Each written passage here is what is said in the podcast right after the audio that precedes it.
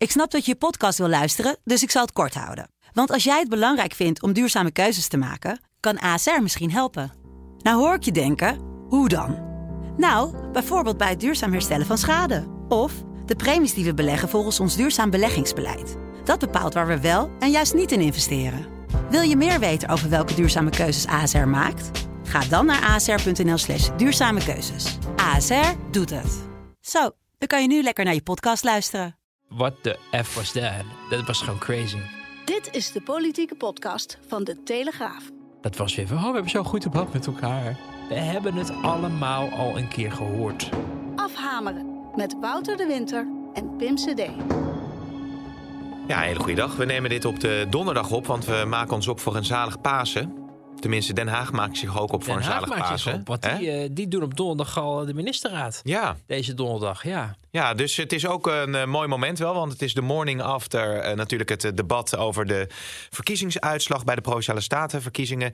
En dat gaan we uitgebreid bespreken. En als toetje misschien nog even iets over de podcast met de koning, hè? Ja. Oké, hartstikke goed. Ja, Wouter, ehm, zeg het maar, welk gevoel overheerst nou eigenlijk als je het debat zo hebt gevolgd? Tja, welk gevoel. Nou, dat het weer een lange zit was waar we niet zoveel wijzer van zijn geworden. Eh, we hebben gezien dat een kabinet zich niet uit elkaar laat spelen. Dat de, de top van het kabinet ook redelijk ja, coherent en vol vertrouwen het debat inging. Dat alles onder het gesternte van eh, dat nieuwe verkiezingen geen alternatief zijn omdat dat betekent dat iedereen klop krijgt en Rutte zijn premierschap kwijt is. eh, D66 de, een rol in de marge wacht. CDA, Identito en de ChristenUnie. Die heeft ook veel mensen verloren. eh, die figuurlijk dan hoor, niet, niet persoonlijk. Maar die bij de vorige verkiezingen toch ook een deel van de achterban eh, liet. Trouwe achterban liet de ChristenUnie insteken. Dat hoorde ik dan vorige week ook dat iemand ook zei van eh, dat dat ook wel hard was aangekomen bij die Hmm. kleine christelijke partij. Kortom, iedereen had er belang bij om de boel in het zadel eh, te houden. En dat leidde dus eigenlijk tot een herhaling van de poppenkast die we vorige week vrijdagavond zagen gebeuren. Waarin je dus een, eh, een situatie hebt dat het kabinet niet meer met één mond spreekt. Want men staat niet meer voor hetzelfde beleid. De ene wil vasthouden aan wat er is afgesproken. De andere wil er vandoor. Nou ja, niet vandoor uit het kabinet, maar vandoor met, met datgene wat is afgesproken. En andere afspraken maken. En dan is gewoon voor het kabinet, voor de ambtenaren, maar ook zeker voor de provincies. Die uiteindelijk toch verantwoordelijk worden gesteld voor de uitvoering van het stikstofbeleid. Het redelijk eh, onduidelijk is wat Den Haag nou precies aan kaders vormgeeft. En ik denk dat de realiteit is dat het balletje richting het CDA zal rollen. Vanwege wat we ook al eerder hebben besproken natuurlijk in de podcast. De situatie zo is dat de provincies en de provinciebesturen uiteindelijk met elkaar ehm, moeten bepalen hoe die uitvoering gestalte krijgt. En als BBB daar een dominante factor in is, dan zal 2030 daar hoogstwaarschijnlijk niet in staan. Betekent niet dat Den Haag dan zal zeggen, nou dan eh, doen we maar helemaal niks of zo. Want iedereen in Den Haag wil juist, nou niet iedereen, maar iedereen in de coalitie, dat vaart wordt gemaakt. Dus Ja. je zal omarmen wat er straks op tafel ligt, denk ik. Wellicht kan je nog een beetje pogen om het te versnellen. Maar een alternatief van een soort dictatuur eh, uitvaardigen... waarin de provincies er niks meer over te zeggen hebben... en dat Den Haag het alles maar bepaalt. Ik vraag me überhaupt af of dat staatrechtelijk en, en juridisch mogelijk is. Maar dat is natuurlijk geen alternatief. Want ons land kent een democratische traditie van samenwerking en compromissen sluiten. En iedereen weet ook wel in Den Haag dat het alleen maar lukt... als je deze grote opgave eh, voor elkaar moet krijgen... dat je dat echt met mensen moet doen. En niet door ze te vertellen wat ze moeten doen. Want dan krijg je weer de boerenprotesten, de omgekeerde vlaggen. En er gebeurt er helemaal niets in het land. Dus Ja. dus ja het CDA die, die eh, heeft de time on her side wat dat betreft. Betekent dat D66 vroeg of laat toch wel zal moeten toegeven. Wat ik ook al, eigenlijk al afgelopen weken al hoorde. Dat 2030 ook niet een jaartal is waar D66 mee getrouwd is. Maar men wil overtuigd raken van het alternatieve plan van het CDA dan. Nou ja, het alternatieve plan van het CDA zal betekenen dat er straks akkoorden liggen. En dat er straks eindelijk eens wat gaat gebeuren. Ook bijvoorbeeld als er een landbouwakkoord is. Dus dat er stabiliteit is en dat vanuit stabiliteit en overleg je meters gaat maken. Ja. En, en dan zal D66 er ook blij mee zijn, denk ik. Hoewel er op dit moment natuurlijk het nog niet zover is dat ze gaan zeggen... nou, het maakt ons allemaal niet zoveel meer uit. Want dan zou het wel erg lijken alsof ze voor het CDA en BBB aan het buigen zijn. Wat electoraal voor hen natuurlijk ook niet handig is. Ja, we gaan het allemaal uitdiepen. Ehm, eerst wilde ik even nog aanstippen dat natuurlijk uh, de oppositieleiders uh, bijeenkwamen voor uh, het debat. Om toch een gezamenlijke strategie te bedenken. wat was die strategie en vond je het opmerkelijk dat ze echt bij elkaar kwamen om dat te bespreken. Het begon veelbelovend in dat kader. Inderdaad, die oppositiepolitici allemaal bij elkaar op de Kamer van, ik geloof, je Kuiken. Ja, want Joop naar Elk keek toe zitten om, om te bepalen hoe ze dat debat ingingen. Nou, dat ging in het eerste gedeelte wel goed, namelijk niet elkaar intrumperen. Hm. Uh, dan, daardoor werd er vaart gemaakt en werd alle munitie en tijd, of zoveel mogelijk tijd, vrijgemaakt voor uh, nou, ondervraging van de coalitie, fractievoorzitters en natuurlijk later het kabinet. Ik denk dat dat in ieder geval een goed begin was. Maar ik vond vervolgens de vraagstellingen uh, richting de coalitiefracties, maar ook richting het kabinet, ja, toch weer scherp te missen vaak. Een aantal mensen dat goed zijn best deed. Oude hand vond ik sterk, Wilders deed het goed. Klaver bij Vlagen had niet zo'n goede inleiding, vond ik toen hij als eerste mocht spreken. Toen dacht ik van, oh, hij heeft een afday vandaag. Maar bij de interruptiemicrofoon deed hij zijn werk wel wat effectiever. Maar er waren ook een heleboel andere oppositiepolitici die duidelijk nog niet aan de eredivisie toe zijn. Of hmm. eigenlijk nooit in hadden moeten zitten. Oh, wie noemen, wie noemen eens namen dan? Nou, ik denk, wat heeft Laurens Dassen nou gisteren... Oh, ik dacht al, nou, die, die had vooral, eh, vond ik, um, die had van die betogen waarvan je denkt van, nou ja, ja, ja maar daar bleef het dan eigenlijk ook een beetje bij. Dat je dacht als premier van ja, ja prima als jij dat zo vindt. Ja, Rutte heeft het toch geen moment moeilijk gekregen, weer niet. En, en ook niet door, zeker niet ook door Laurens Dassen. Als er kan, die was wel scherp. En die is retorisch, denk ik ook, die heeft echt wel meters gemaakt. Maar die vloog wel behoorlijk uit de bocht toen hij uh, premier uh, persoonlijk de instigator van institutioneel racisme maakte. Daar nam Rutte ook echt aanstoot aan. En daardoor viel er ook echt zo'n stilte waarvan je denkt, ja je hebt hier je hand overspeeld. Dat hoorde ik ook uh, wel wat mensen zeggen na afloop. Mij nu op te plakken dat via die fraudewet met brede steun in deze Kamer ik hier verantwoordelijk ben voor institutioneel racisme, is voor mij volstrekt onacceptabel. Volstrekt niet wie ik ben. Ik accepteer dit absoluut niet. Zo sta ik niet in het leven. En dat heeft hij als ik aan terug te nemen. Of hij doet het niet, maar dan is hij de knip voor de neus niet waard. Voorzitter, ik neem dat niet terug. Het is voor zijn achterban misschien helemaal niet zo hm. verkeerd om het te roepen. Want dat vergeten we nog wel eens.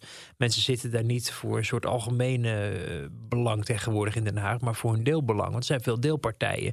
En nou ja, Denk en Azarkan zijn afgelopen jaren heel druk geweest ook met het kinderopvangtoeslagdossier. En die zitten wel redelijk in het standpunt dat het toch allemaal is bedacht door de minister-president. Ook al is het natuurlijk wel wat wonderlijk om te veronderstellen dat Rutte denkt: zo gaan wij mensen via racisme wegen eens even de voet dwars zitten. Ja, ja. Dat lijkt mij niet aan de orde, maar het bekt wel lekker in ieder geval voor je achterban. Dus daarmee zag je dat hij zijn hand over speelde, maar hij stelde maar een aantal andere vragen waarvan ik dacht van ja, retorische trucs, ook aan het begin van het debat met zijn toespraak, die wel het de oren doen spitsen. En dat is natuurlijk wel belangrijk in zo'n debat wat zo lang duurt. Dat je denkt, ik neem diegene serieus, want die heeft interessante dingen te melden. Maar je ziet gewoon, er doen te veel mensen mee. Van Haga doet een beetje Gundogan. Wat was Liane Den Haan. What, what the F was that? Dat was gewoon crazy. En, en, en Liane Den Haan. Ik denk, ja, voor wie zit je eigenlijk nog in de Kamer? En zo zijn er natuurlijk een heleboel mensen waarvan je denkt: ja, jullie kunnen toch allemaal niet meekomen met, met de mensen die misschien nog het verschil kunnen maken. Maar het, in algemene zin is het niet van hetzelfde niveau als we hebben gezien in de nadagen van Balken en de Vier. Uh, het moment dat Rutte uh, de motie van wantrouwen indiende ja. tegen Balken en wat toen grote schok opleverde in het kabinet ook. Je ziet de beelden deze dagen ook her en der weer terug op YouTube, televisie, waarin je de bewindspersonen van CDA, PvdA en ChristenUnie in vak K achter en de op ziet veren van wat, wat wordt ons nou geflikt. En de VVD, toch een verantwoordelijke bestuurlijk, bestuurderspartij, die uh, zomaar uh, ja, het wantrouwen uitspreekt in het hele kabinet.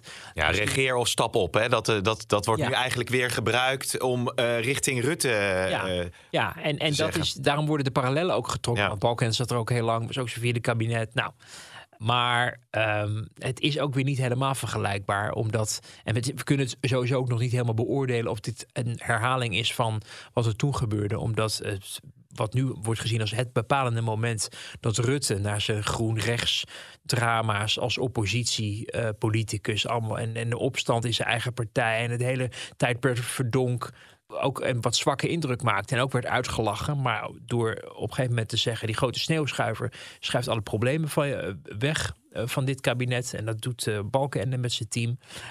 hij had hier met terugwerkende kracht momentum gecreëerd van dit was de omslag. Dat zeggen we nu. Dat was het moment dat het klaar was met Balkenende en dat Rutte, die later premier werd, uh, de goede kant op ging voor zijn uh, partij. Nou ja, en, en, we kunnen op dit moment niet, nog niet beoordelen of dat moment nu ook gebeurd is. Ook al is het een motie van wantrouwen geworden, natuurlijk donderdagnacht. Ja. Met steun van uh, GroenLinks, PvdA, PVV, nou, een heleboel, bijna iedereen. Ja. Behalve Diade Den Haan en, en SGP, geloof ik.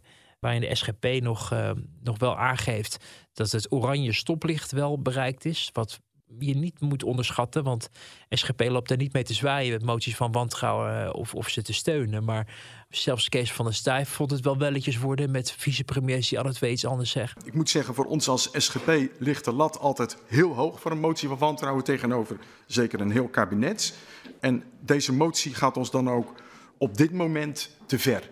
Ik zeg er wel bij, het licht staat voor ons op oranje. Die onduidelijkheid wil ik niet wegpoetsen. Dus dan zie je wel van hmm, tricky. Maar zolang die coalitie elkaar vast blijft houden, uit angst voor de kiezer, kunnen ze op een kop gaan staan, maar zal het niet zoveel veranderen. Behalve dan dat je je kan afvragen of de, het vertrouwen van Nederland in haar politiek het afgelopen 24 uur of misschien de afgelopen week is versterkt. Ik, ja. ik geloof niet dat dat het geval is. Nee, wat, wat een punt was waar Klaver ook eh, scherp op zat, is dat, dat 2035, 2030.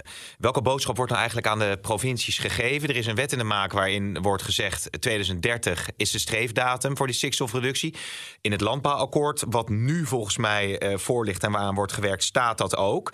Dus dat is dan waar de provincies zich aan zouden moeten houden. Maar ja, aan de andere kant zit je met een, met een coalitiepartij die wil dat er nou uit hebben. Dus wat, wat, wat, moeten die provincies dan nou eigenlijk doen? Uh, dat, dat was een interessant uh, aspect, vond ik. Ja, een feitelijk ding dat wat officieel geloof ik 2030 dan weer, omdat dat stikstof aangaat, dan weer niet in het landbouwakkoord staat, maar als een soort extra side letter of voorwaarde ja. wordt gesteld door de onderhandelende klopt. partijen.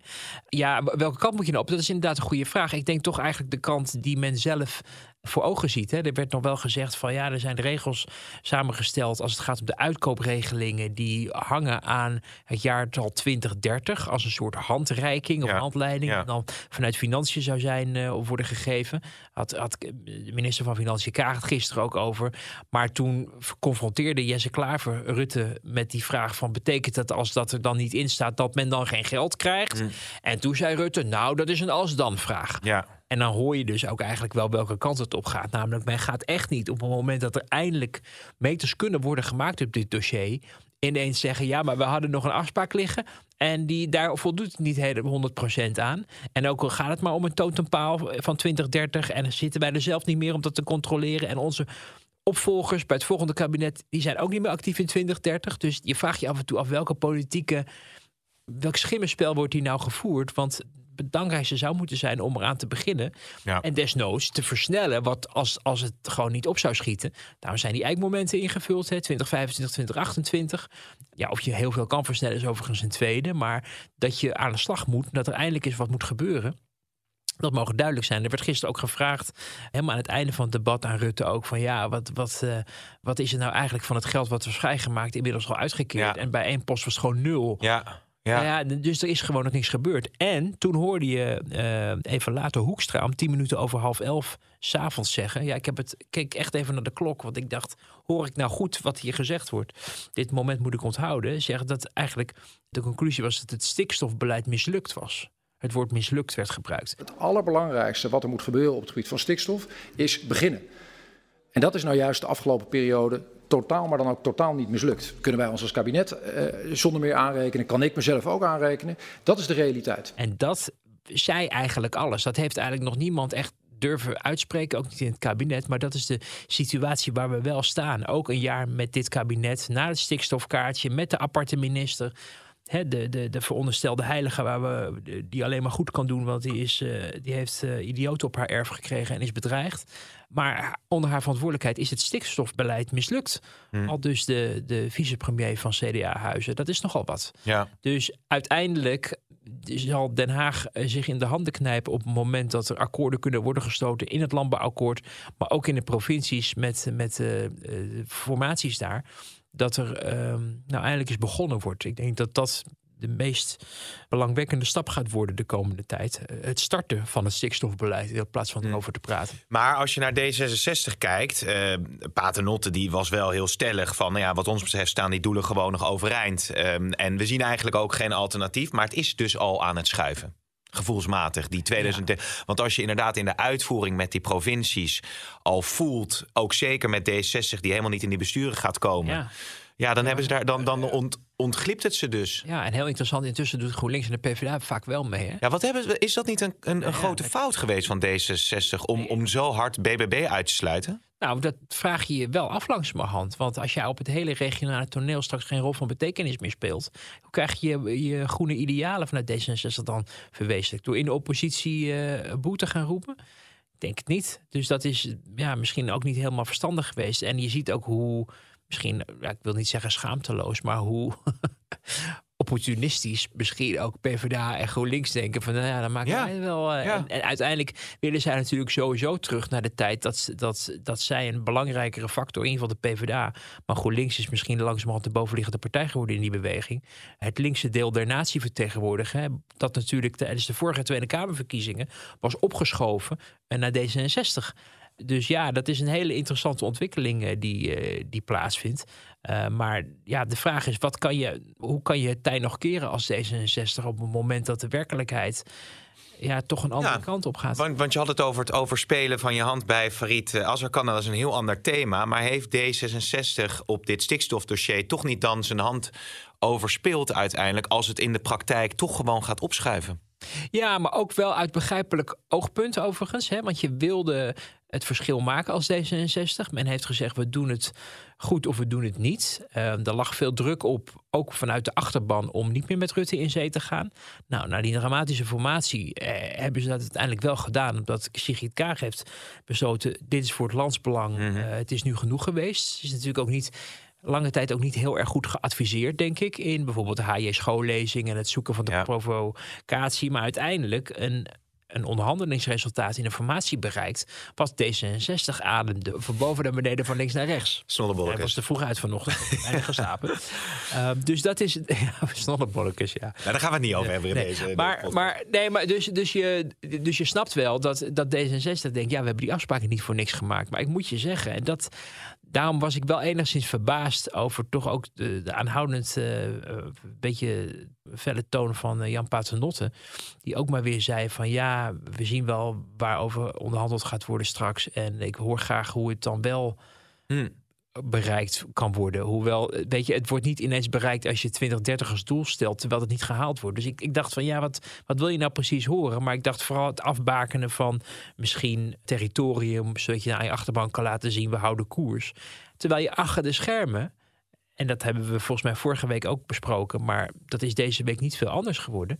Je gewoon allerlei ministers van allerlei partijen, ook van D66-huizen, gewoon hoort zeggen: ja, 2030, nee. We hebben die eikmomenten. Daarmee werd eigenlijk 2030 al niet meer zo heilig. Daarmee kon je al, zag je eigenlijk al een beetje aankomen dat dat op losse schroeven begon te staan. Want niemand is immers gehouden aan het onmogelijke. Zij zelfs Sigrid Kaag Ja.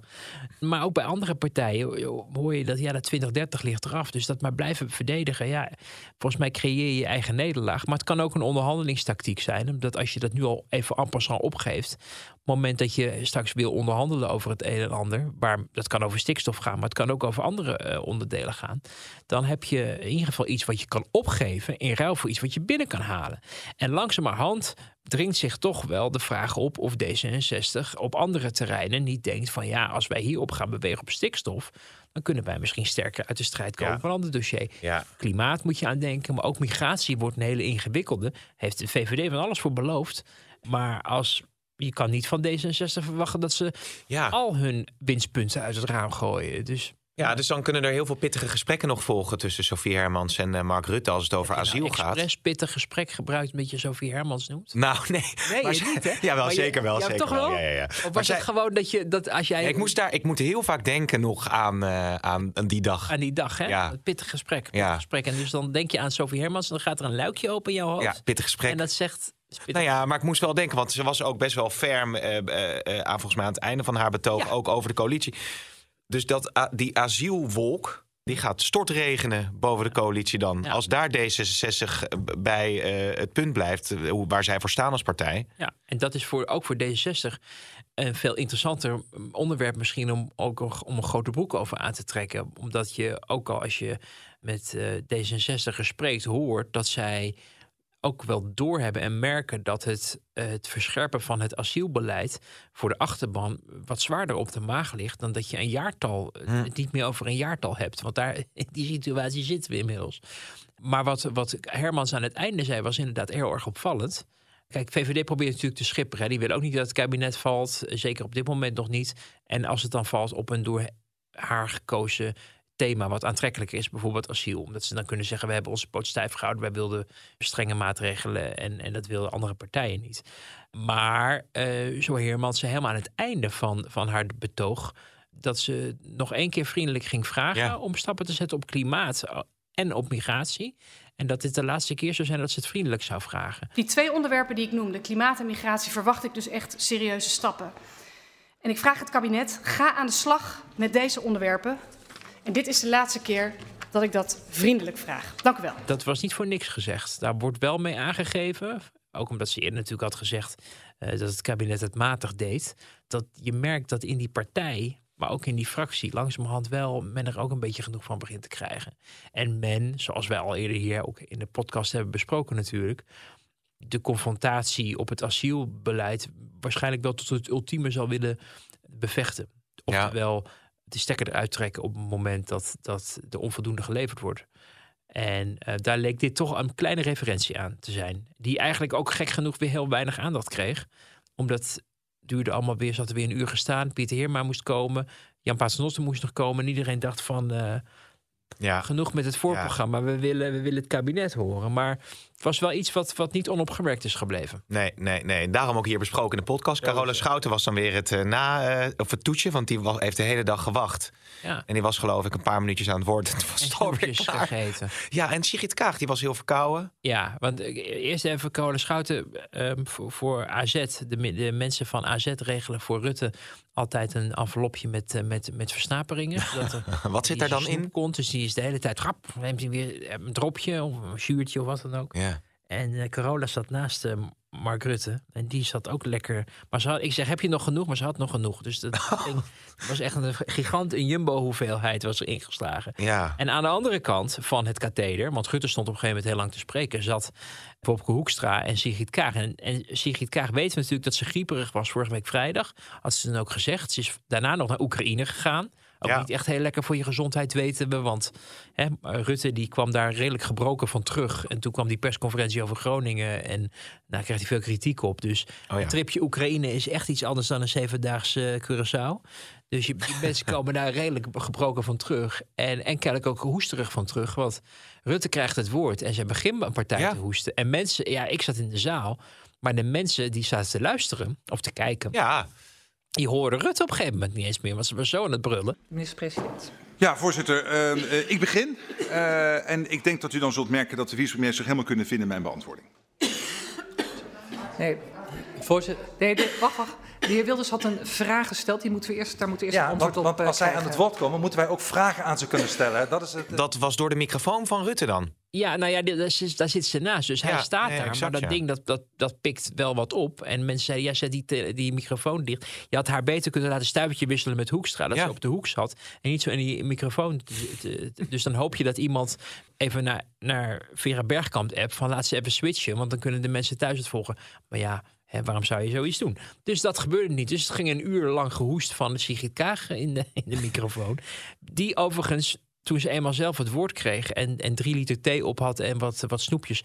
overigens ook van Caroline van der Plas... die ook nog even een, een, een hoestsnoepje kwam brengen. Ja. Eh, ja, want, want Ja. Caroline lag er natuurlijk ook af eh, vorige week met enige tekenen van. Nou, eh, inderdaad, ja. Maar uiteindelijk heeft ze volgens mij vrij soeverein zich door haar termijn geslagen, Kaag. En ook, ook wel voor de fijnproever. Die confrontatie met Wilders was natuurlijk wel weer leuk. Ja, ja. Want we zien dat niet zo vaak, maar dat is natuurlijk water en vuur. En Wilders geniet daarvan, want die kan, kan ook Vera Bergkamp weer neerzetten als een soort vazal van, van Kaag. Was er een onnavolgbaar gebrabbel van eh 10 minuten, met alle respect. Meneer dit Wilders, is, dit toch is niet even- het begin van een antwoord. Ja, maar de- even Ja, ik mag zelf op de inhoud wat ik zeker, maar op de inhoud niet op de Ja, persoon. maar ik mag, Ja. ik mag, als ik dat gebabbel vind, Ja. mag ik dat gebabbel noemen. We hebben een goed debat tot nu toe op de inhoud. Laten we dat ook alsjeblieft houden. Dus niet op de persoon. Ik snap het als ik uw partijleider aanspreek. Nee, daar dat heeft u wat niks meer... mee te ja, maken. nee, maar daar heeft het zeker wel heeft mee te maken. We weten allemaal hoe u aan die, aan die baan bent gekomen, bitste hij haar. Ja. En, en ja, dat, dat vinden de PVV-kiezers prima. Maar ook Kaag was daar heel erg bij van ja, la haat die u allemaal uitstort op sociale media en zo. En eh, dat is voor haar achterban, voor haar kiezers ook gewoon prima. Dus dan zie je dat, dat het, ja, het is niet een gezellig debat, maar het maakt wel even heel duidelijk nou ja, hoe die mensen in de wedstrijd zitten. En Ja. dat zie je niet zo vaak tussen Kaag en Wilders. Maar ook het hoesten was ook een nagenoeg weg. Want we dachten allemaal nog eventjes van... oh-oh, voordat ze aan de beurt is, eh, is ze ziek. En dan eh, Ja. horen we er helemaal niks meer van. Maar dat bleek... Nou, zo begon waar. het natuurlijk al. Hè? Dat, eh, dat Rutte zei van, nou ja, ik kan hier gewoon het woord doen, ook namens de vicepremiers. Dat was ook al heel stekelig eigenlijk. Want is nou al bekend wat eigenlijk, Rutte, buikgriepje, iets verkeerds gegeten, kip curry, hè? heb je dan natuurlijk met Nederland zelf al gehad? Ik heb dus ergens iets gelezen. Ik weet dus alleen niet of het klopt. Moeten we het dan wel vertellen? Nou ja, dit is zo, dit, dat kan. Ik weet niet hoe ernstig, oh, ja, Wouter, het is jouw niet- reputatie die Ja, er nu aan weet, kan gaan. Ik weet dus ook niet waar ik het vandaan heb. Dus dat is ook wel heel dubieus. Deze doen we even met een grote disclaimer. Ja. Maar er was een, een diner met ehm, eh, commissarissen van de Koning in het Katshuis op maandag. En, en iedereen had vis en hij had vlees of zo. Dat Oh, las ik. ja? Ik weet alleen niet meer waar. Dus als iemand dat heeft getwitterd of heeft gezegd... en ik heb geen bron van mij Nee, gedaan... toch kip daarvoor. dan. Eh, ja, jullie zijn echt bij die sportafdeling geobsedeerd over kip curry. Nee, nou ja. Maar, maar, eh, maar goed, Rutte heeft het overleefd. Ge- gelukkig eh, geen, geen verdere ongelukken gekomen. Hey, nou ja, goed, het was aan het begin even stekelig. Uiteindelijk zijn de Friese premiers natuurlijk ook gewoon aan het woord gekomen en ondervraagd. Bergkamp, we moeten die nog even langs de meetlat leggen? Nee, ja, die was, die was weer Alice in Wonderland. Dat was weer van, oh, we hebben zo'n goed debat met elkaar. Ja, en die zei, ja, ik doe geen beperking aan interrupties. Nou ja, als je daarmee begint, dan weet je hoe laat het is. Dan wordt het nachtwerk. En dat werd het ook. Kijk, je kan als voorzitter, je, als je helemaal nooit meer ingrijpt... behalve als Wilders een keer wat zegt... dan kan je concluderen van, oh, wat heeft ze het debat goed geleid. Kijk, een voorzitter die je niet hoort... Ja. Maar die wel orde houdt, dat is eigenlijk de ideale voorzitter. een scheidsrechter in de, op het voetbalveld, hè? Ja, precies. Nou, Nou, ja, volgens mij heeft Omtzigt dat ook wel eens met zoveel woorden gezegd. Ja, nee, dat, dat- en dat is ook zo. Ik denk, ik had niet het idee dat ze gisteren nou eh, een enorm eh, de mist in ging. Maar ik zag gewoon, maar dan komen we weer terug bij die oppositiekamerleden. Ik vond gewoon het niveau van, van de vragen en de, en, de, en de interrupties. En inderdaad ook die een interruptie die dan een, een aanloop krijgt van 40 seconden. Weet je, ja, dan Ja. schiet het lekker op in het debat. Ja. En dat haalt de vaart eruit. En dan denkt op een gegeven moment Rutte van, nou, we hebben het weer in de zak. En dan worden er grapjes gemaakt en gaan we dan wat, wat soepeler. Dus het mag voor mij wel wat strakker. Maar ik had niet het idee dat, het, eh, dat, dat gisteren nou Bergkamp de storende factor Nee. was. Het CDA eh, ging eh, diep door het stof. Nou ja, je zei het zelf al even, stikstofbeleid ook mislukt. Maar dan ging het ook met name over ja, de voelsprieten vanuit het CDA naar de samenleving toe. Gaat dit nou uiteindelijk de kansen keren voor het CDA? Ik, je merkte aan het eind volgens mij dat Van der Plas ook nog probeerde om echt het CDA als de Zwarte Piet eh, neer te zetten. Hè? Van eigenlijk alles wat mis is gegaan in de maatschappij. Daar was het CDA bij geweest. Ja.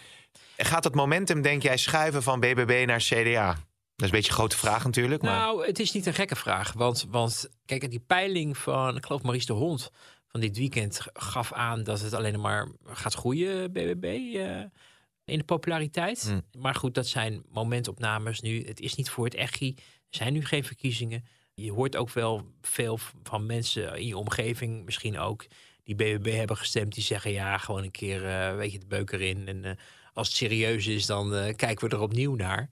Ik denk dat ze daar ook erg op hopen bij zowel CDA als VVD.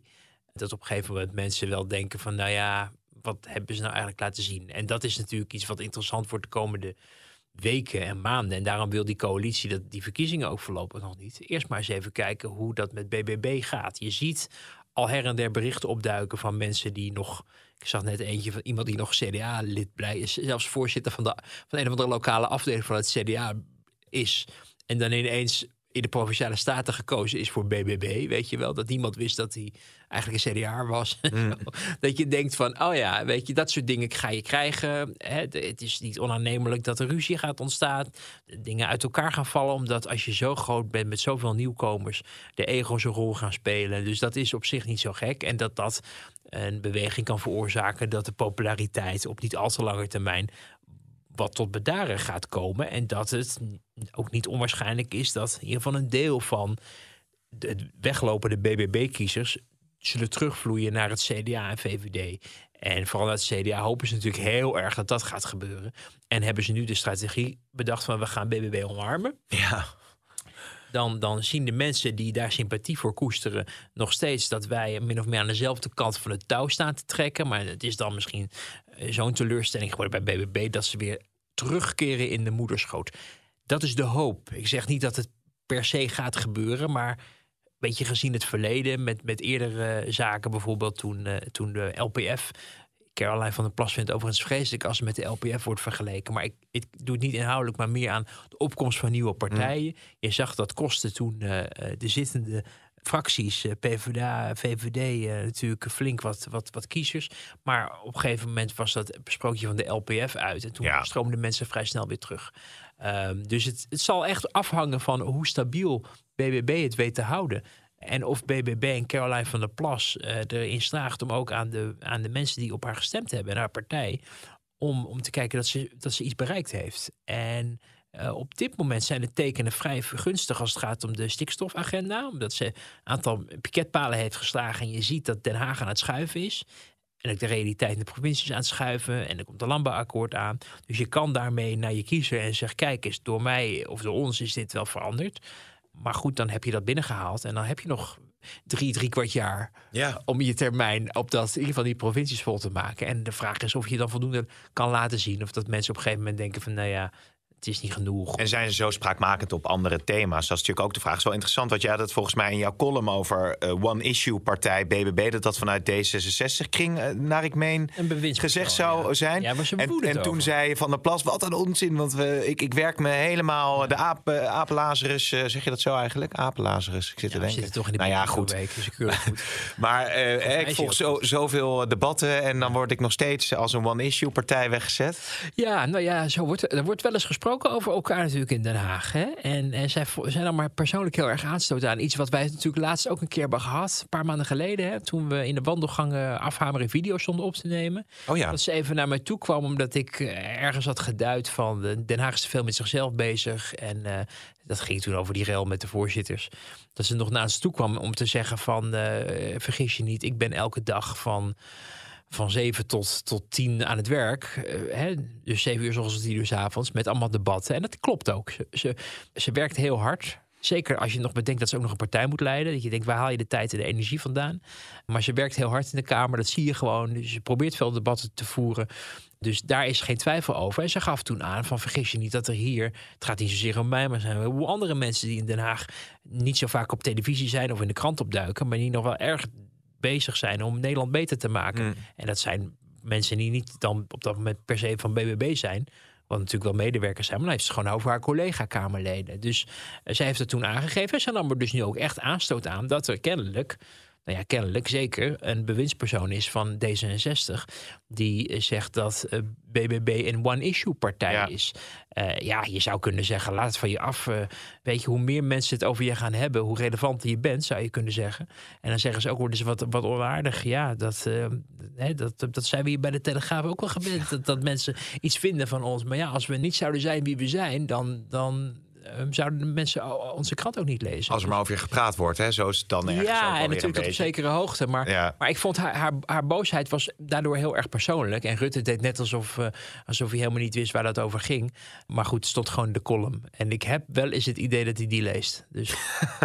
nou ja, over Rutte gesproken. Ik, kun je niet concluderen dat ondanks het feit dat de oppositie van links tot rechts verbolgen is over hoe het nu gaat, dat hij die stikstofcrisis inderdaad als een soort Houdini in, in, toch in goede banen zou gaan leiden met zijn kabinet. Dat, dat, ze, dat ze deze crisis wel gaan doorstaan? Is dat een beetje jouw verwachting? En dan komt ik- daarna eh, asiel eh, eraan en, en klimaat. Als ik het speelveld overzie, dan, dan zie ik gewoon op dat stikstof. Je kan dat niet aan de andere kant meer opduwen. Je kan Nee. niet zeggen, we gaan er nu toch 2030 van maken. Of 2028 of 2025. Ik zou niet weten hoe je dat eh, gewoon voor elkaar moet krijgen. Ik kan het wel ergens opschrijven. Maar de uitvoering, dat is misschien ook wel belangrijk. En dat zie ik gewoon niet gebeuren. Ja, met, met Rutte. Kijk, er is natuurlijk. Zijn politieke behendigheid staat buiten kijf. Uh, hij is een van de beste politici die we kennen in, uh, in, in, in ons land, in deze generation. Dat is even niet omdat je het met hem eens bent, of per se met hem eens bent, met zijn politieke modus operandi, of zijn idealen, als hij die al heeft. Hij is toch meer van het pragmatisme immers. Maar, maar meer over zijn behendigheid en de effectiviteit van inderdaad in het zadel houden van dit kabinet of de vorige kabinetten.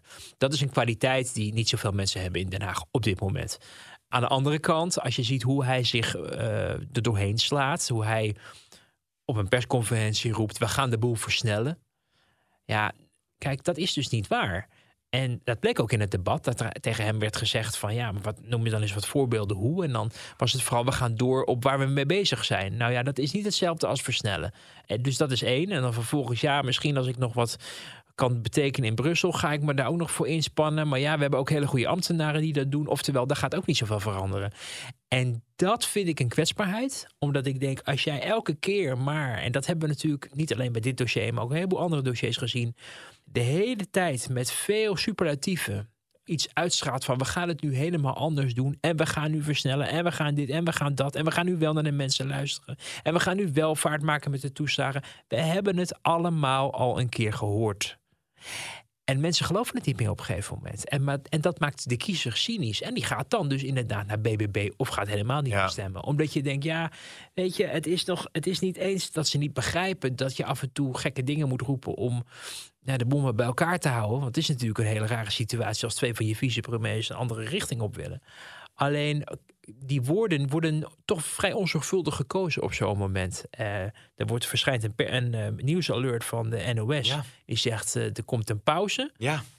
Dat leidt tot kortsluiting. Je zag ook dat Kaag daar heel duidelijk in het debat ook weer wat over zei. Van het is helemaal geen pauze. En dat is niet waar. Dat is dus Rutte heeft het dus heel erg op instigatie van D66 gezegd tijdens dat persmoment, omdat hij dacht, ja, ik moet D66 wel bijhouden. Dus dan zeg ik net alsof, dan, dan doe ik het voorkomen alsof de situatie 180 graden Ja. anders is. Ja. Maar dat is hij niet. En vroeg of laat komt dat uit. Nu vrij vroeg al, dat dat versnellen eigenlijk niet zoveel voorstaat. Voorstelt. En dat is, vind ik, een kwetsbaarheid. En we zijn het van Rutte gewend. En mensen halen er een beetje hun schouders over op. We zeggen, hij liegt toch altijd. Maar ja, weet je, ik- je moet wel de grootste kwaliteit van een minister-president, of waar hij het meest op kan leunen, is betrouwbaarheid. Daar is de premierbonus ook op gebaseerd. Als je ziet hoe de afgelopen verkiezingen voor de VVD verliepen, zie je dat in ieder geval een deel van die premierbonus is ingeleverd. Ja. Ehm, ja, ik weet niet of het beloven van versnelling, eh, wat vervolgens niet waar wordt gemaakt, veel van die eh, bonus gaat terughalen. Ja, maar dat is wel interessant hè, als je het over dat versnellen hebt, ook op andere dossiers. Want hij heeft natuurlijk ook gezegd over toeslagenschandaal, over Groningen. Het zit natuurlijk met dezelfde situatie. Kun je versnellen door bijvoorbeeld op stikstof Brussel eh, vaak aan de mouw te trekken, of door je ambtenaren op financiën sneller te laten uitkeren, of door de herstelwerkzaamheden te bespoedigen? Kan dat De eigenlijk? eerste vraag, eh, of de eerste suggestie die eruit voorkomt, is natuurlijk gelijk: hebben jullie dan zitten slapen de afgelopen tijd? Want het was toch al beloofd dat het zo snel mogelijk zou gebeuren. Ja, maar dan zegt hij veilbrief zit op Groningen, gaat er ook vaker naartoe, heeft de vinger aan de Maar dat pols. deed hij al. Hij ging er al vaak naartoe. En hij zit daar goed bovenop, vuilbrief. Als het om die toeslagen gaat, dat schiet nog steeds niet op. Waarom schiet dat niet op voor het idee van mensen? Is omdat men eh, zoveel vertrouwen in onze overheid heeft... dat op het moment dat dit soort schandalen gebeuren... dat je met één druk op de knop het probleem hebt opgelost. Dus als je zegt, we gaan nu er wat aan doen... dat het dan betekent dat je van al die tienduizenden dossiers een soort pasklare oplossing hebt. Dat je gewoon een geldkraan openzet en het, het probleem afkoopt. Maar goed, dan moet eerst onderzocht worden. Hè, wie gaat het? Eh, nou, daar hebben ze in ieder geval daar al een overzicht van. Maar hoeveel eh, recht op geld hebben die? We weten ook, ehm, er zijn heel veel mensen wel al geholpen. Maar goed, er zijn ook mensen nog niet geholpen. En die zitten terecht daar nog steeds mee in hun maag. Er zijn ook mensen die, eh, en dat was natuurlijk ook de, ook de, de reden waarom dit hele drama ook voor elkaar is gekomen, die even niks ten naleden van de gedupeerden. Maar er zijn ook mensen die gewoon eh, de boel hebben lopen flessen. Ja, geen aanspraak maken op Ja, eh, er zijn op een compensatie. gegeven moment kwamen de meldingen binnen, zelfs van toen men aan het uitkeren was voor die 30 mil in eh, de nadagen van Rutte 3, dat mensen zich melden die gedupeerden waren terwijl ze niet eens kinderen hadden. Oh ja, serieus? Echt waar? Dus dat je denkt, ja, want iedereen denkt, ja, het gratis geld. Je kan je als gedupeerde melden en je moet als overheid moet je dat wel goed zorgvuldig oplossen. Nou, dat is niet iets wat waar je zou van wachten dat dat, dat tien jaar gaat duren. Maar de vooruitzichten en de inschattingen zijn steeds toch een stuk somberder gebleken. Inmiddels dan hoe ze op het moment dat de 30 mil werd uitgekeerd en er werd erkend dat het mis was gegaan en dat het kabinet aftrad, werd geuit. En, en het overbruggen van die kloof, namelijk het verwachtingspatroon van mensen in hun overheid en de daadwerkelijke uitvoering, ook in Groningen, ook de toeslagen en op een heleboel andere dossiers, stikstof zal ongetwijfeld ook zo'n probleem zijn, die is gewoon heel groot. Ja, En daardoor denk ik van ja, om er nog meer superlatieven tegenaan te gooien, geeft een kort shot als nieuwsgierige drugsverslaafde van we willen dat opgelost. Ja. Maar uiteindelijk komt de kater de volgende dag, want dan is het nog steeds niet gerealiseerd. nee. En je zou toch eh, moeten beginnen met een kabinet dat op één lijn zit. Als je überhaupt processen wil versnellen, dan is het wel handig als je met één mond praat en, en gewoon kordate problemen überhaupt kunt aanpakken. Ja, maar goed, ik denk even een stapje erbuiten. Maar wat doe je als premier als je deze situatie hebt en je zelf ook geen zin hebt in het einde van het kabinet? Dan ga je proberen de boel bij elkaar te houden. En dat is wat hij probeert te doen.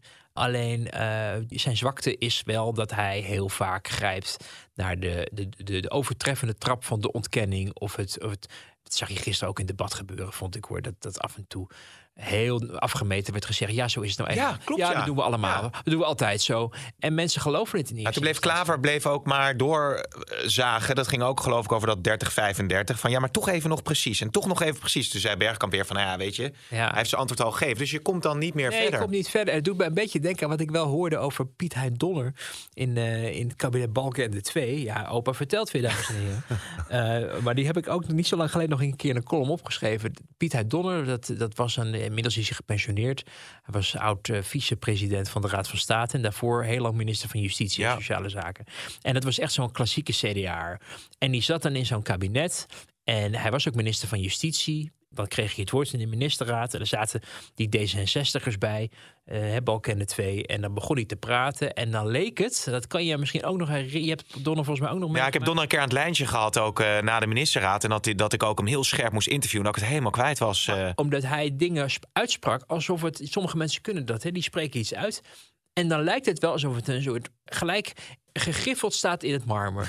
Je kan eigenlijk geen kant meer op. Hij zegt, ja, het is... Net als bij opstelt het ook wel een beetje. Het is zo en zo. En dan denk je, oh, nou, makes sense. Weet je, zal wel zo Ja. zijn. En er werd over Donner werd er dan ge- gewaarschuwd onder D66'ers. Zeker ook toen... toen eh, toen eh Pechtold het stokje overnam van Tom de Graaf in dat kabinet. Zo van, ja, het klinkt allemaal wel alsof hij er verstand van heeft. Maar hij roept maar wat. Want hij was, even uit mijn hoofd hoor... arbeidsjurist van oorsprong. En hij zat dan over het staatsrecht te lullen. Oh. Terwijl hij daar helemaal geen verstand van Ja. had. Maar omdat hij, omdat hij het eh, omkleden met zoveel... Ja, ik, weet, ik, weet, ik was daarvan onder de indruk. ja, ik weet niet trouwens of het arbeids, maar het was in ieder geval een andere specialisatie dan waar hij over aan het kletsen was in de ministerraad. En maar iedereen geloofde het, want Ja. iedereen dacht, nou hij heeft ervoor gestudeerd Ja. en hij maakt de indruk dat hij er zoveel over weet. En dat is wat je bij Rutte af en toe ook ziet. We merken, merken ook in die persconferentie op vrijdag dat hij dingen uitspreekt. Ja, het is ge- gebruikelijk dat we het zo doen. Ja. En dan denk, denk je bij gebruikelijk, gebruikelijk. En dan is alweer de volgende vraag gesteld. En dan denk je achteraf, nee, het is helemaal niet. Maar wat is dan de tactiek? Je bluft gewoon. Toch vertragen. Bluffpoker. Ja, toch vertragen dan als journalist. Of als Kamerlid uit de oppositie. Want hoe, tre- hoe, kijk, dat is natuurlijk toch de vraag. Hij is, we hebben natuurlijk ook die fragmenten teruggezien eh, eh, dat Rutte echt met die functie elders eh, echt in het nauw zat. Ja. Maar nu komt hij toch totaal niet. Dit is toch helemaal een walk in the park voor hem, zo'n debat. Uiteindelijk. Je- je- Eh, Was er een Ja, valkuil geweest? ja. Had hij ergens... Want die oppositiepartijen hebben notabene samengezeten. Er is ook een neiging om. Ja, precies. Nou, we hebben het net over de oppositie gehad. Maar er is ook een neiging. Ik zag het nu even bij een, een, eh, een ander dagblad ergens staan. Ik zal het niet noemen, want we hebben het al zo vaak over. Maar die zeiden van ja, het was allemaal. eh, hij bleef er ver overeind. Geen moment moeilijk. Helemaal niet wankel. En ja, dat kan je eigenlijk naar elk debat over Rutte wel opschrijven. Alleen als je, als je toch even een stapje terugneemt en kijken van hoe ging dit nou allemaal weer. Het is ook allemaal niet vrij. Alles, alles, alles recht lullen wat krom is. Eh bedoel, ja, mensen, ik heb nu al twee keer lullen gezegd in onze chique podcast. Ja, ja, ja, ja, ja. Maar, maar bedoel, het- uiteindelijk is het toch de druppel die de steen uitholt. En je kan elke keer wel doen van nou, het maakt allemaal, hij heeft het weer fantastisch gedaan en heeft een moment moeilijk gehad. Maar ook even een stapje terug doen en zeggen van ja, maar is dit nou, het was wel weer 14 uur de tijd van het Ja. land. En welk probleem is er nou eigenlijk opgelost? Ja. Het is niet alleen maar hem te verwijzen natuurlijk, want die Kamer is er ook erg mee bezig. Uh, maar het is wel zijn kabinet. En uh, als het gaat om het resultaten boeken op dit dossier, dan heeft het kabinet gewoon onvoldoende gekregen. Zelfs van de eigen vicepremier, die zegt dat het eigen beleid mislukt is. Ja. Dus ja, ik weet niet of je, dan, of je dan heel erg trots op jezelf kan zijn na afloop van zo'n debat. Nee, nou goed. Dat wordt allemaal vervolgd op deze donderdag dat we dit opnemen. We straks nog de ministerraad. En dan uh, wandelen we vrolijk naar de volgende crisis of spanning binnen dit kabinet. De koning, wouden we het toch nog even over hebben, hè, Wouter. Je hebt in de auto hier naartoe in jouw ja. drukke ochtendprogramma nog de tijd gevonden om de eerste drie of tweeënhalf afleveringen te luisteren ja. van uh, de tiendelige serie waarin Edwin Evers de koning interviewt over zijn tien jaar als koning, Willem-Alexander. Ja, interviewd. Oh. Het was een gesprek. Ja, nou ja. Ja. Maar, maar, uh, maar ik ben dus fan van Edwin Evers. Hij is toch een kleine jeugdheld. Ja, klein, dat klinkt niet zo aardig. Nee, een grote, grote, grote jeugdheld. Nee, ja. maar het is, het, is, een, het is ook niet dat ik posters van Edwin Evers boven mijn bed had hangen. Niet? Dat bedoel ik Van wie dan? ja. Nee, maar ik bedoel meer, ik bedoel meer van, weet je, dat, daar luisterde ik vroeg altijd naar. Ja. En uh, in mijn middelbare schooltijd. En, en uh, nou, natuurlijk enorme ster geworden daarna. Want daarna is pas echt succes gekomen met het ochtendprogramma en 158 en zo. En uh, ik heb hem een keer ontmoet in, de, in de coulissen van een tv-programma. En buitengewoon en ja. mens. Echt, echt een leuke, leuke man. Dus ik wil niks onaardigs over hem zeggen. Maar ja, je luistert naar, die, naar de podcast. En uh, dat is natuurlijk ook iets, een ander format. Maar voor het RVD natuurlijk veilig. Hè? Uh, hij zit niet met Jeroen Pauw uh, te, op te nemen of met Eva Jinek. Tegelijkertijd, uh, ja, je hoort wel interessante dingen. Je hoort dingen vertellen die je normaal niet snel hoort. Dus daarom blijf je ook wel luisteren. Viel mij op dat hij uh, toch wel erg probeert om te, ja, te beperken. Om niet altijd diep op zijn persoonlijke leven onthullingen te doen. In wat ik heb kunnen horen. Hè, want er komen dus nog zeven andere afleveringen. Ja. dus misschien verandert dat nog. Maar het is een productie besteld door de RVD.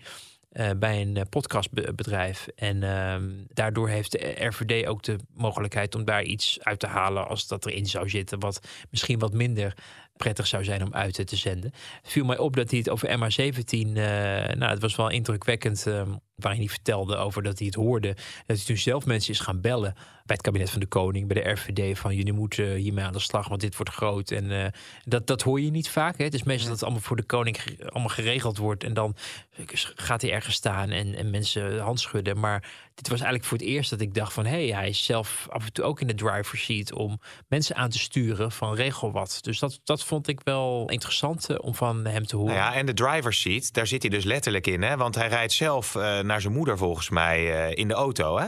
Ja, hij gaat Toch naar, denk je bij die koning winkel? dat hij altijd gechauffeurd wordt of zo? Ja, een winkel, sporten en, en naar zijn moeder vertelt hij. Hij rijdt natuurlijk in die verlengde Audi. Die is inmiddels 11 jaar oud.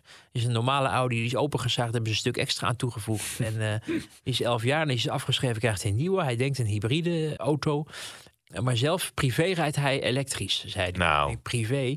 En we zien het inderdaad niet vaak opduiken. Maar je weet misschien je nog wel te herinneren dat Maxima een keer bij die de Horsten naar buiten is gereden. En dat hij nog in, in een aanrijding is verzeild geraakt. Oh, nou inderdaad, ja. Dus, dus er wordt nou ook nog wel wat privé gereden. Maar we weten dan ook weer, zeg ik erbij, in het boek van Claudia de Brij boekje, moet ik zeggen. Ook een kritische interview. Ja, was ook echt het scherpst van de snede. Maar die, dat is op een gegeven moment dat ze dan met Amalia in de auto zit en dat Amalia dan de, de beveiliging heeft afgeschud. Oh ja. Dus, dus dan ja, ja. rijdt men wel zelf, maar er is altijd wel veiligheid omgehaald. Net als met die, het schip van hem in, in Griekenland. Dat, dat, dat, die, dat jacht. Ja. Daar hebben ze toen ook een grotere stijger moeten bouwen. Want er moest ook beveiliging bij. En ehm, die moet ook wel vergelijkbaar snelheid kunnen halen. om de koning bij te houden in zijn. eh, wat is het ook weer? Haaien, geloof ik. dat Ja, je bedoelt die, die speedboot. Die speedboot. Dat houten ding van een miljoen of zo. Hout? Het was niet hout. Nee, Tiek. het is Het is, ik weet niet wat het is, maar het gaat in ieder geval hard. Oh. Dat is echt dat grijze ding, weet je wel. Oh ja, je- nee, ik heb een andere boot voor ogen. Ik weet het niet. Nee, niet Ja, de gouden niet draak. gouden- niet de gouden- groene- groene nee, de draak. groene draak, sorry, ja. Nee, maar, maar, ehm, eh, maar je weet dus dat als hij ergens zit, dat er wel eigenlijk altijd wel beveiliging in de buurt moet zijn. Mm. Dus hij rijdt dan wel zelf. Maar goed, eh, ik, ik denk niet dat hij ineens in zijn eentje. Met, Ja, het lijkt me zo grappig gedachte batterijen- als je voor het stoplicht staat en je kijkt naar rechts en je ziet in één keer Willem-Alexander Ik zitten. heb het een keer gehad met Beatrix. Dat ik Serieus? A4 reed. En, eh, maar toen zat ze wel achterin. Dus ik herkende de auto wel. Maar toen zat ze daar gewoon zonder politie-escort. En toen was ze aan het rijden. eh, eh, achterin. Achterin? Maar ze was aan het rijden. En Oh. ik dacht, hé, dat is de koningin. Oh. En Ja, toen? nee, Ja, ik maak veel mee. Ja, nou inderdaad, ja. Hey, ehm, maar jij zei even door een, door een podcastbedrijf, dus stond eh, Tony Media van Sander Schimmelpenning. Ja, de verbinder des vaderlands. Ja, die Dus als natuurlijk je samen zich- binnen de koning eh, wil zijn, dan eh, ga je daar kennelijk... Die eh, zich ook over Alexia natuurlijk nog had uitgelaten. Weet je, het, is, het zijn van die dingen dat je denkt... goh, zouden we de RVD dat dan niet even in de gaten houden? Maar je ziet wel een neiging bij die club... dat op het moment dat iemand de, de wind in de zeilen heeft in Nederland... artiesten vaak, dat die heel snel op een of andere manier... in de buurt van de koning mogen komen. Ja. Eh, Jij dus Armin- ook dan? Armin, Ar- Armin van Buren, weet je, toen, met, met, toen hij beëdigd werd met dat feest, Ja. was, herinner ik Ja. me. Erwin Olaf natuurlijk, Ja. overigens een geweldige fotograaf. Maar die mocht ineens ook alles doen. Portretten maken, muntstuk geloof ik ook nog. Ja. Van de koning, maar ook die mooie portretten uit, eh, uit het paleis. Dus je ziet gewoon dat op een gegeven moment succesvolle Nederlanders eh, heel snel hun... Worden hun weg- omarmd. ja, hun weg vinden eh, Ja. naar het Hof. Vaak ook een beetje aansluiting te houden. Omdat die mensen hun populariteit natuurlijk ja, niet van een pak wasmiddel hebben gekregen. Ja. Maar er ook echt wel iets voor hebben laten zien. En nou ja, dan is podcast nu het nieuwe ding. En dan ga je naar iemand die daar kennelijk ja, in vertrouwd wordt. En wij hadden dat al lang ontdekt natuurlijk, dat podcasten helemaal het nieuwe ding is. Welkom en, bij de club. En, en als jij, ja precies, en als jij je mocht vervelen en je kijkt op YouTube, wat voor filmpjes kijk je dan? Nou, de koning kijkt dus, vertelde die gebruiksaanwijzing filmpjes. Voor golven, hè? Nee, nou, Oh. hij gaat golfen in zijn vrije tijd. Oh. Dat heeft hij in de coronatijd geleerd. Maar hij doet gebruiksaanwijzing filmpjes voor attributen. En dan vraagt Evers van, ja, voor Wat wat, dan? dan? Van, haha, een Ikea-kastje. En dan hoor je, hoor je bijna die lachband van vroeger ingestart. maar dan vertelt hij dus vervolgens niet wat. Nee. En dat is dan wel meer dat ik denk, ja, dan willen we het ook weten ook, dames en heren. Ja, nou ja, goed. Eh, wie weet komt dat nog in de andere aflevering ter sprake. Vast niet, maar je weet het nooit. En eh, wij gaan het volgende keer weer eh, vrolijk over politiek hebben, Wouter. Dank voor nu en eh, tot, de volgende week.